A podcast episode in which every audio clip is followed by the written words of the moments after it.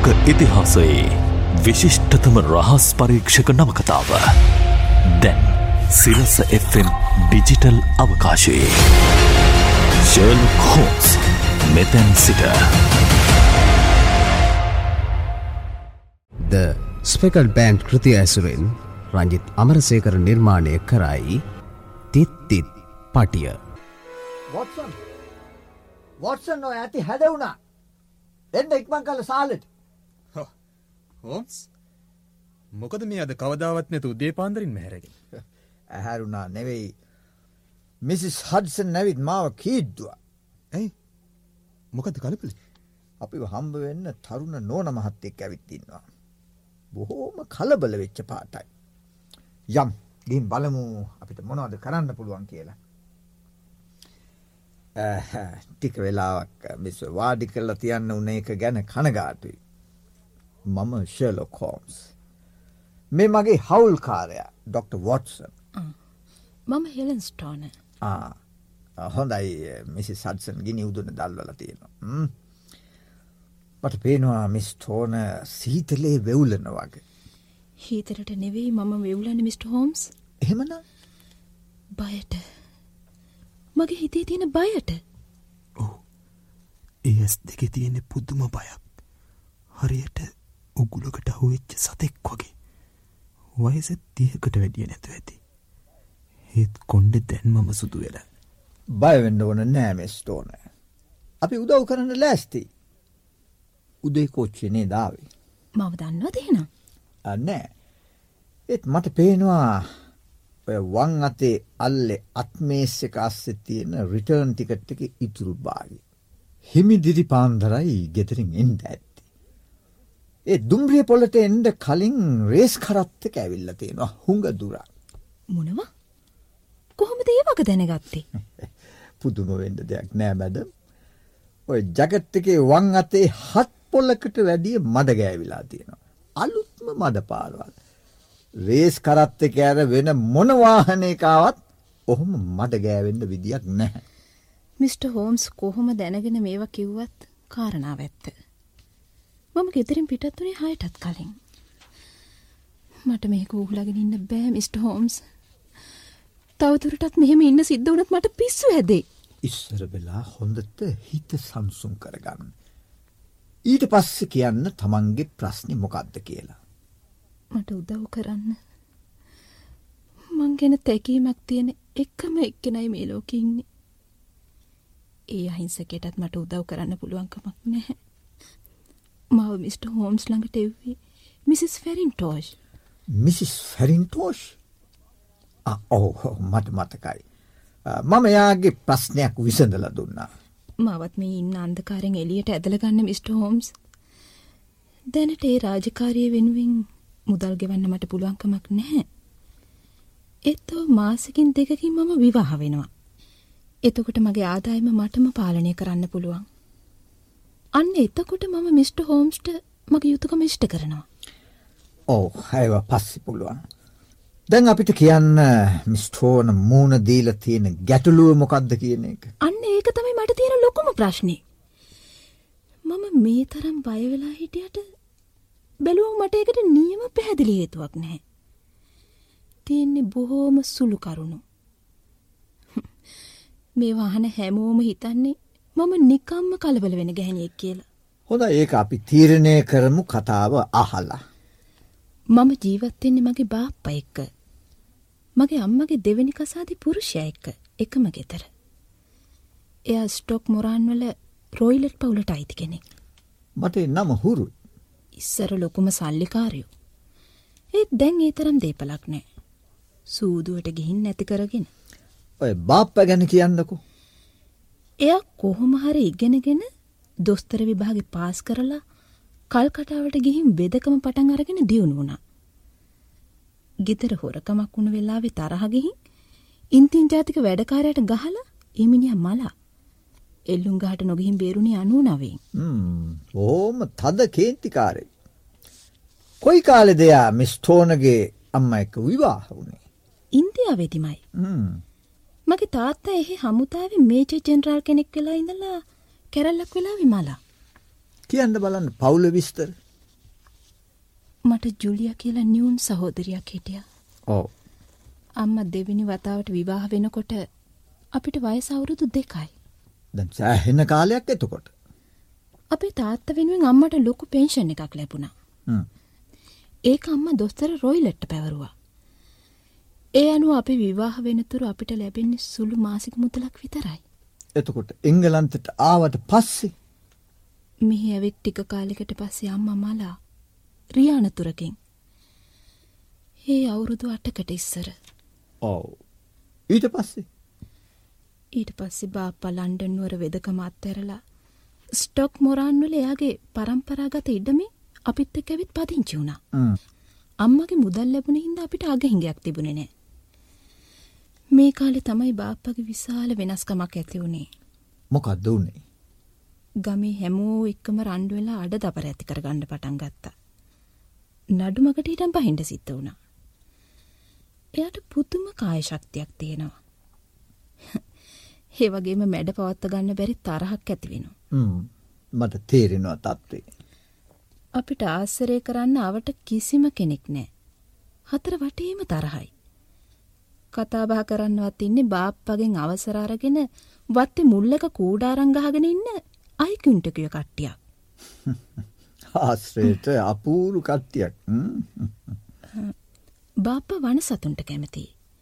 දැනුත් වත්තේ බැබුන් එකකුයි චීටාවෙකුයි නිදහසේ ජීවත් වෙනවා. ඒ හින්දා පණ ඇති කෙනෙක් වත්තට ඇතුල් වෙන්න බයයි. අපූරු මුරකාරයෝ දෙන්නෙක් නේ. මමයි ජුලියයි හිතේ කිසිම සතුටකින් නෙවෙයි ජීවත් වුණේ. ඔව් ඒක මට හිතා ගන්න පුළුවන්. කිසිම වැඩකාරයෙක් අපේ ගෙදර නවතින්න කැමති වුණෙත් නෑ. අපේ වැඩ අපටම කරගන්න වුණා. ජුලිය මැරෙනකොට වයස 30යි. ඒත් මගේ වගේම කොණ්ඩි සුදු වෙන්න පටන් අරගෙන. එතකොට තමන්ගේ සහෝදරී මැරිල්. ඔව්. අවුරුදු දෙකකට කලින්. ඒ මරණ ගැන තමයි මට මිස්ටර් හෝම්ස්ට කියන්න ඕනේ. අපිට සමාජ ආශ්‍රයක් තිබුණෙම නෑ. ඒත් ඉඳලා හිටලා අපේ නැන්ද කෙනෙක් බලන්න යන්න බාප්පා අවසර දීලා තිබුණා. එහෙදි තමයි යාට මේජ මෙරින්ස් මුණ ගැහිලා විවාහ යෝජනා කළේ. හරි. බාප්පා ඒ ගැන දැනගත්තාම මොකද වුනේ? කිසිම විරුද්ධත්වයක් දැක්වේ නෑ. මගුල නියම කරගත්ත දිනේට හරියටම සුමාන දෙකකට කලින් මේ භයානක දේ සිද්ධ වුණා. මට හිටපු එකම නෑය හිතවතා නැති වුණා. හරියටම කියන්න මරණේ සිද්ධ වෙච්ච හැටි. ඔව්. මට ඒ අකුරක් පාස මතකයි. ඒකේ හුඟක් පරණ එකක්. දැන් එක කොටසක විතරයි අපි පදිංචි. නිතන කාමර තියෙන්නේ එක පේලියට. පළවෙනි එක බාප්පගේ. දෙවෙනි එක අක්කගේ. තුන්වෙනි එක මගේ. කාමරින් කාමරයට යන්න බෑ. ඔක්කොම දොරවල් එක පැත්තේ. අයිනෙන් කොරිඩෝරයක් තියෙනවා. පැහැදිලිද? ඔව් හොඳටම පැහැදිලි. ජනෙල් ඇරෙන්නේ මිදුල පැත්තට. මරණ වෙච්ච දවසේ බාප්ප වේල පහම කාමරයට වැදුණා. ඒත් අපි දැනගත්ත එයා නිදි නැති වග. ඒ කොහොමද? අපිට තදින්ම සුරුට්ටු ගඳ ආවා. ඔව්. හරි. ජුලියා මගේ කාමරයට ඇවිත් ටිකක් වෙලා මගුල් උත්සවය ගැන කතා කර කර හිටියා. 11ට ආපහු යන්න නැගිට්ටා. ඒත් දොර ළඟ නැවතිලා හැරිලා බැලුවා. ඔව්. නැවතිලා.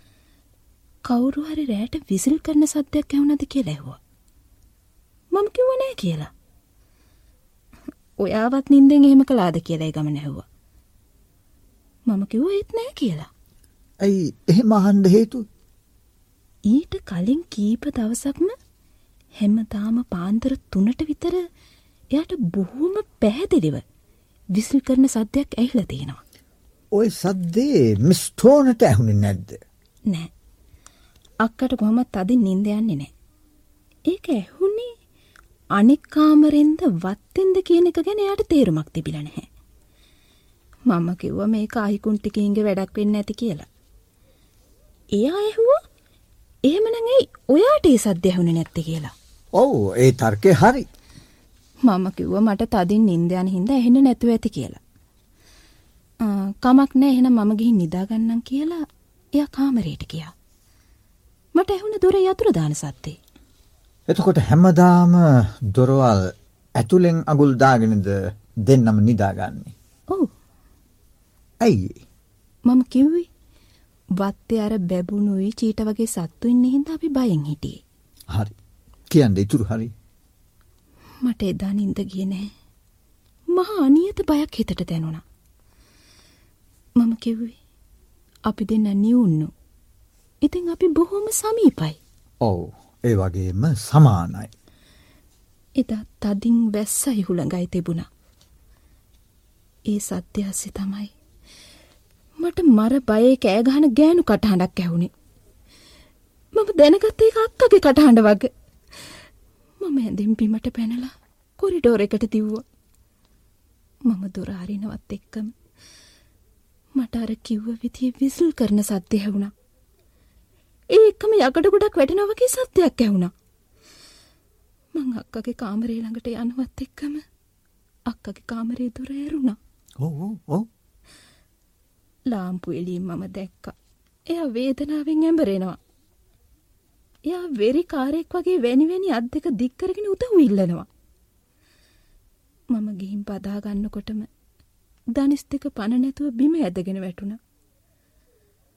හදිස්සියෙම එයා හෙලන් අර පටිය අර තිත්තිත් පටිය කියලා කෑ ගැහුවා. එහෙම කරලා බාප්පගේ කාමරේ පැත්තට ඇඟිල්ල දික් කරලා පෙන්නුවා. ඒ එක්කම වචන උගුරි හිර වුණා. ඒකමන මිස්ටෝන මොකද කළේ. මම උදව් ඉල්ලලා කෑ ගහගෙන එළියට දිව්වා. බාප්පත් ඒකම ඩ්‍රෙසින් ගවම ඇඳ ඇඳ එළියට ආවා. එතකොටත් අක්කට සිහිය නැති වෙලා. එයා සිහිය නෑවිත්ම මලා. මිස්ටෝන්ට හොඳටම විශ්වාසත ඔය විසිල් එකයි යකට සද්දේ ඇහුණ වගට. ඔය ප්‍රශ්නෙම මරණ පරීක්ෂකත් ඇහුවා. මගේ නම් හිතේම මට ඇහුණයි කියලා එහෙම සද්දයක්. අක්කා ඇඳගෙනද හිටී. නෑ. නින්දට යන ඇඳුමින්. දකුණු අතේ පත්තු කරගත්තු ගිනි කූරකුයි වම් අතේ ගිනි පෙට්ටියකුයි තිබුණා. හරි. ඒ කියන්නේ මේ සිද්ධ වුණේ මොකද්ද කියලා දැනගන්න එයා එලියක් පත්තු කරලා බැලුවාය කියන එක. ඒක වැදගත්. හොඳයි. මොකද මරණ පරීක්ෂණයේ දීපු තීන්දුව. බාප්පගේ චරිතය හොඳ නැතින්ද හුඟක් දුරට පරීක්ෂණ පැවැත්තුවා. ඒත් හරි හේතුවක් හොයාගන්න බැරි වුණා. මගේ සාක්කි අනුව දොර ඇතුළෙන් වහලා තිබුණ වගේ පෙනුණා. ජනේලෙ බොහොම හයියට හදලා. ඉතින් කිසි කෙනෙකුට ඇතුළට එන්න විදියකුත් නැහැ. වසක් විසක් නිසා වෙන්න බැරිද. එහෙම එකක් හොයාගන්න බැරි වුණා. එතකොට කොහොමද මලේ? මං හිතන්නේ බයයි කම්පනයයි නිසා. හේතුව නම් හිතාගන්න බෑ. එතකොටත් අහිකුන් ටික හිටියද? ඔව්. හැමදාම වගේ ඉන්නවා. එතකොට මේ පතිය මේ තිත්තිත් පටිය ගැන මොනවද හිතන්නේ? ඒක නිකම්ම සිහිමදි ගතියෙන් කිව්ව වචනයක් වෙන්නත් පුළුවන්. ඔය අහිකුන්ටකයෝ ඔළුව වටේ තිත් ලේන්සුවක් බඳිනවා. ඒ ගැන හිතලා කිව්වද කියන එකත් හිතාගන්න බෑ. මේක බොහෝම බැරෑරුම් ප්‍රශ්නයක්. ඉතින් අවුරුදු දෙකක් ගත වුණා. ඒ අතරේ තමයි කෙනෙක් මට විවාහ යෝජනා කළේ. බාප්පගේ විරුද්ධයක් නෑ. අපි මේ වසන්ත ඍතුවේ විවාහ වෙන්න ඉන්නේ. ඔව්.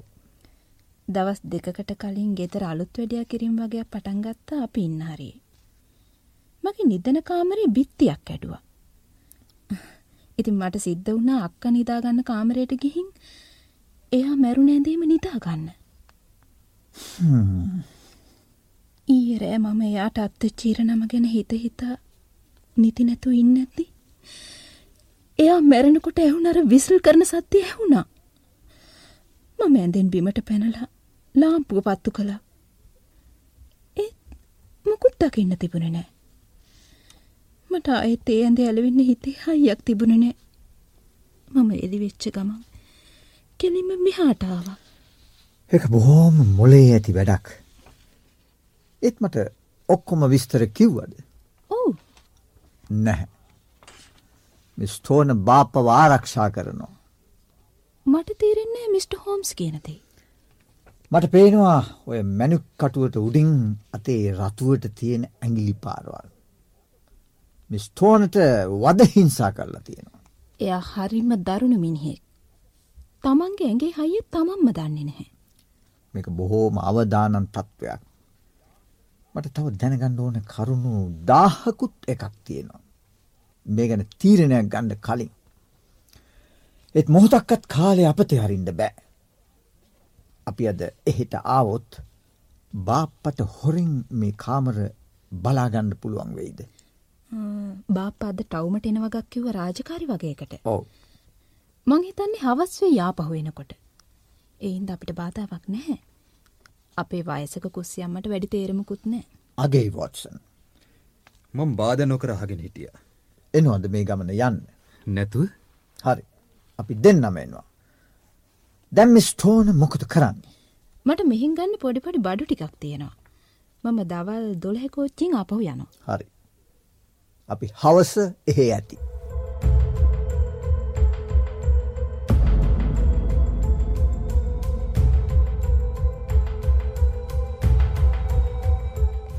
දෙන්නගේ කවුද ශලොක් හෝම්ස් මමයි. මේ මහත්මය? මම ස්ට්‍රොක් මොරාන්වල ග්‍රිප්සි රයිලට් වාඩිවෙන්ඩ ඩොක්ට වාඩු එවන්න මට ඕන කමක් නෑ හෙලන් මෙහා දැවිත් තියෙන මොනවා දැවිත් කිව්වේ? ඩොක්ට මොනහරි බොමුද. මේ අනුන්ගේ වැඩවලට ඇගිලි ගැහල නතර නොකොළොත් මොන මොනව වේවිද කියන කියන්න අමාරුයි ඒක කරන්න කවුද කියන එක තමයි මට හිතාගණ්ඩ බැරි. තමන්ගේ පාඩුවේ ඉන්න දන්න නැති කරදර කාරයෝ බෝම ලස්සන කතා බහ. මේ යනකොට දොර වහගෙන යන්න ඩොක්ට. මම යන්නම් මම යන්නම් මට කියන්න තිනදේ කියලා මයි කියලා මගේ වැඩවලට ඇඟිලි ගහනක අවදානම් වැඩක් මම දන්නවා මිස්ටෝර මෙහ ආවවග මම කලින්ම කියන්නේ මාත්තක සෙල්ලං කරන්න හදනක බොහෝම භායනකයි. මම පෙන්න්න පොඩි සාම්පලයක්.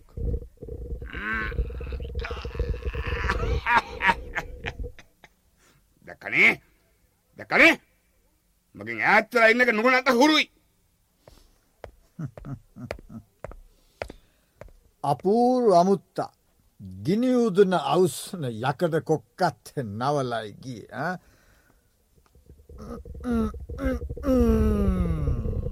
හෝන්න මම ඒක දිගෑරයා දෙන්න ඔට්ටුනා නං හොඳ සටනක් බලන්න තිබෙන. ඔට්ටුවෙන්ට වෙයි සමහාරවිට.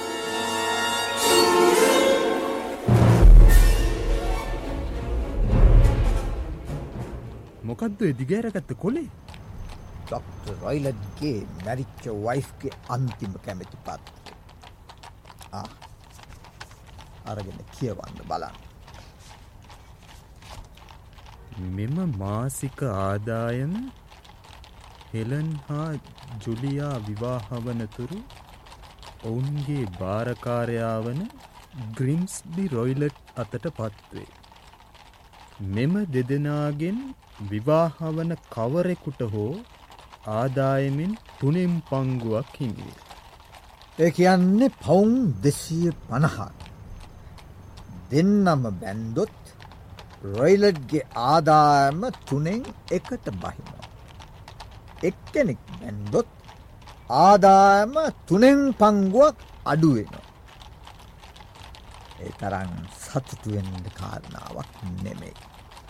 හෝම්ස් කිව්ව හින්දා මම පිස්තොලෙ සාක්කුට දාගත්තා. ඔව් දැක්කන අපිට කටයුතු කරන්න තියෙන්නේ කොහොම මිනිහෙක් එක්කද කියන එක. ෂා මේ හරිනම් බෝම ලස්සන පලාතක් හෝම්ස්. ඔව් අර තියෙන්නේ මොරාන් කියල ගහලා ඕහම නතර කරන්න කරත්තේ. බොහෝම පරණ ගොඩ නැකිල්ල. දැන්මම ටිකක් ජරාවාස වෙන්න විල්ල. යම් ඉක්මට රොයිලෙත්තෙන්ඩ කලින් අපි ආරක්ෂක ස්ථානවලට වෙලා ඉන්දෝනෑ. ආ අරයින මිස්ටෝන මග බලාගෙන දැන් තමයි මගේ හිතට සැනසීමක් ලැබුණේ. හැම්ම දෙයක්ම බලාපොරොත්තු වුණු විදිහට සිද්ධ වුණා. බාප්පා කිව්ව වගේම නගරටකින් එනකොට හොඳටම හවස්සේ. අපිට ඩොක්ට රොයිලට මුණගැස්සීමේ වාසනාව උදා වුණා. දෙයනී. ඒනම් මගේ පස්සෙම ගිහින් තියෙනවා. ඔවු ඒක තමයි සිද්ධ වෙලා තියෙන්. එයා හරිම කපටියෙක්. මට එයාගෙන් ගැලවීමක් ලැබෙයිද කියලත් සැකයි. දැන් ආවම මොනුව කියයිද මන්ත. එයාගේ ඉවපාර වැටිලා ඉන්නේ ඊට වැඩිය කපටි කෙනෙක්. එයා දරුණුවනොත් අපි මිස්ටෝනවාර නැන්දගේ ගෙදරට එක්ක යනවා. දැන් අපි ඉඩ ලැබුණු වෙලාවේ නිදන කාමර පරීක්ෂා කරල බලමු. එතකොට මේ කොනේ කාමරෙයි මිස්ටෝන නිදාගත්තේ. අක්ක මැදකාමරේ. ඩොක්ට කොනේ කාමර එමනේද. ඔහු ඒ දැම්මම නිදාගන්නේ මැද කාමරේ. අලුත් වැඩියා කිරීම්වලට ඉඩ දෙන්න එහෙම කළේ. ඒගේ මේ කොටසේ කිසිීම දිරාපත්වීමක් නැහැ මට පේන විදියට නම්. කිසිම අලුත් වැඩියාවක් සිද්ධ වනේ නෑ. මං හිතන්නේ ඒක මාව මැද කාමරයට ගන්න යොදපු උපායක්. ඔව වෙන්න පුළුවන්. කාමර තුනටම ජනිල් තියෙනවා. දෙන්නම ඇතුරෙන් දොරවල් අගුල්දාගෙන නිදාගන්න හන්දා. කාටවත් එලිය ඉඳලා කාමරයට ඇතුල්වෙන්න බැහැ. එතකොට හෙනම් කාමර ඇතුළෙ බලමු. ඉස්සර වෙන්න වොත්සන් ඉස්සල්ල පරීක්ෂා කරන්නේ මිස් ටෝන කලින් නිදාගත්ත කාමරේද නෑ. අපි ඉස්සල බලමු දැන් එයා නිදාගන්න ඔය මැදකාමරේ. බොහෝම අපූරු කාමර පොඩ්. හෝම්ස්ට නං අපට නොපෙන හුඟක් දේවල් පෙනෙන ඉඩ තියනවා මේක ඇතුළේ. මේ ඇඳළඟ කොට්ටෙ ගෑවි ගෑවි එල්ලි එල්ලි තියෙන්නේ බෙල් එකක ලනුවක්. මොකොට දේක ඒක තියෙන්නේ කුස්සි අම්මගේ කාමරයට. ගෙයි අනිත් උපකරණවලට වැඩිය අලුත් පාටයි. ඕ අවුරුදු දෙකතුනකට කලින් තමයි හයිකරුවේ. අක්කගේ ඕනකමට වෙන්ඩ ඇති. නෑ මම කවතාවත් දැකලනේ අක්කවක පාවිච්චි කරනවා.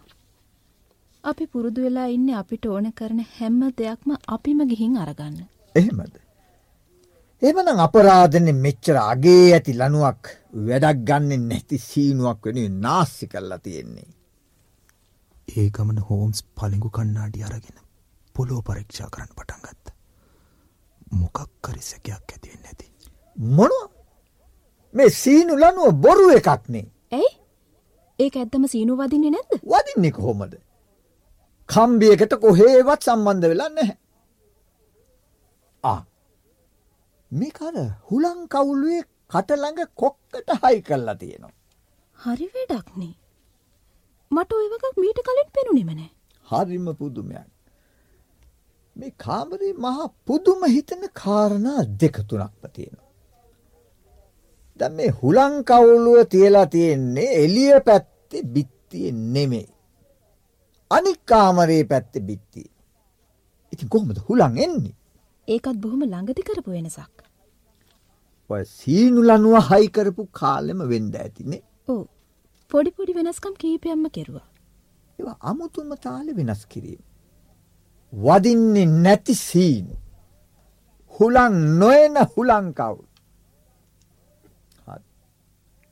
දැන් අපි යමු ඩොක්ට රොයිලට්ගේ කාමරේට.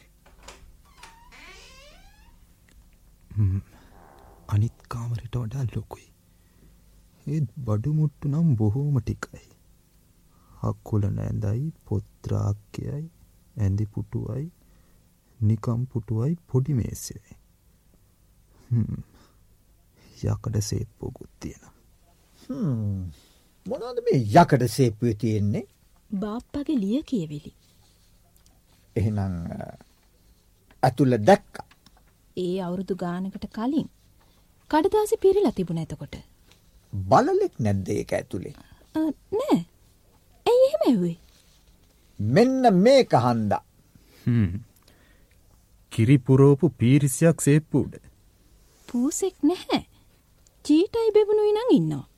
ඕ චීට කියන්නෙත් ලොකු බලලෙක්. ඒත් මේ පුංචි පිරිසියකට කිරිදීලා බඩගින්න නිවන්ඩ බැහැ. ඒ ගමන මොනහේකටද ඒ පුටුවේ ඉඳගන්න හරිය බලන්න හොදටම ලං වෙලා. හරි ඒකත් හරි.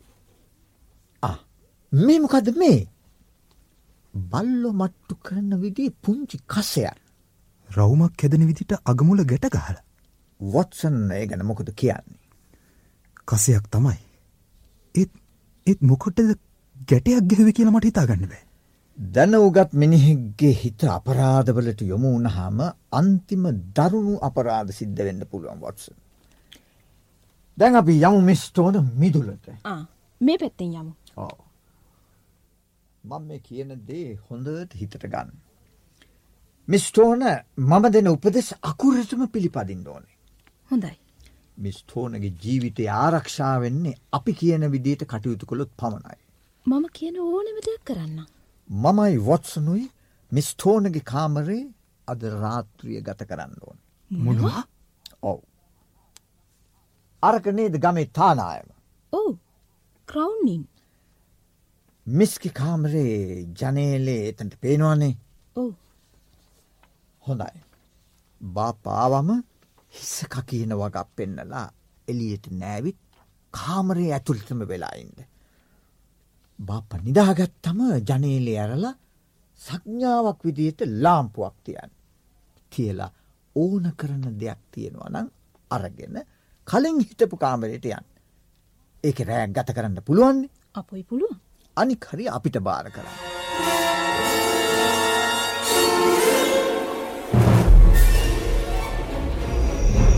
අප පැල්කනයක් තියෙන කාමරේ ලැබිච්චක වාසනාවක්. එතන වෙන දේවල් සේරම අපූරුවට පේනවා. ඩොක්ට රොයිලට් ගෙට ගියට පස්සේ තවම කිසිම දෙයක් සිද්ධහුන්නේ වොත්සන් අපි මේ යන්න බොහෝම අවධානං වැඩකට. හොම්ස් මොකද හෙම කියන්නේ? මන්නම් අමුතු දෙයකට දැක්කේ අර සීනුවේ ලක්ම විතරයි. ඇයි? හුලං කවුලුව? ඒක ඒ තරම් අමුතු දෙයක් නෙවෙයි. ඒ පුංචි හුලං කවුලුවෙන් මීයකුට වැඩිය ලොකු සතෙකුට රින්ගන්න අමාරු මම දැනගෙන හිටිය මෙහාට එන්න කලින්ම ඔහොම හුලං කවුලුවක් ඇතිය කියන එක. මොනවා ඇයි මතකදයා කිව්වා අක්කට සුරුට්ටු දුම දැනුනය කියලා දොස්තරගේ එහෙමනං ඒකට හුලං කවුලුවක් තියෙන්දුවන. ඊට වඩා ලොකු දෙයක් තිබුණ නං මරණ පරිශණයදි කියවෙනවා. ඉතින් ඉතින් මොකක් දෙකින් වෙන හානිය බලන්න. හුලං කවුලුවක් හැදවා. ලනුවක් එල්වා. ඊළඟට ඇඳේ නිදාගත්ත කාන්තාව මල. ඉති මොකද සම්බන්නේ ඒ ඇඳ වෙනසක් පෙනුනේ නැද්ද. නෑ ඇඳ පොළොවට හයි කරලා. ඒ ඇඳ හොල්ලන්ඩ බෑ. එතකොට හුලං කවුලුවටයි ලනුවටයි තියෙන දුර වෙනස් වෙන්නේ නෑ. මට යාන්තමට හිතාගත්ත හැකි දරුණු අපරාධයක් කතළඟ ඔව්. දොස්තර කෙනෙක් අපරාධකාරයෙක් වුණහම තත්ත්වේ දරුණුයි. අන්න අන්න එලියක් පේනවා ජනේලේ හරි ඒක තමයි අපේ සංඥාව.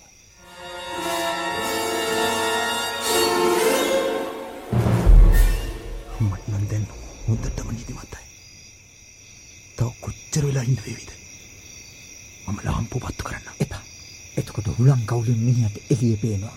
මිහ සැක හිතනවා. නිදා වැටෙන්න එපා. එක අන්තිම භයානකයි. හොඳයි පිස්තෝලේ සූදානමින් තියාගන්න. හරි මොකටද වේ වෙලා ඒකත් ඕන වෙයි. අන්න අන්න අල්ලපු කාමර මෝතකට එලියක් පත් වෙලා නිවුණා වොටසන් වොටසන් දැක්කද දැක්කද? නෑ නෑ. මොකක්ද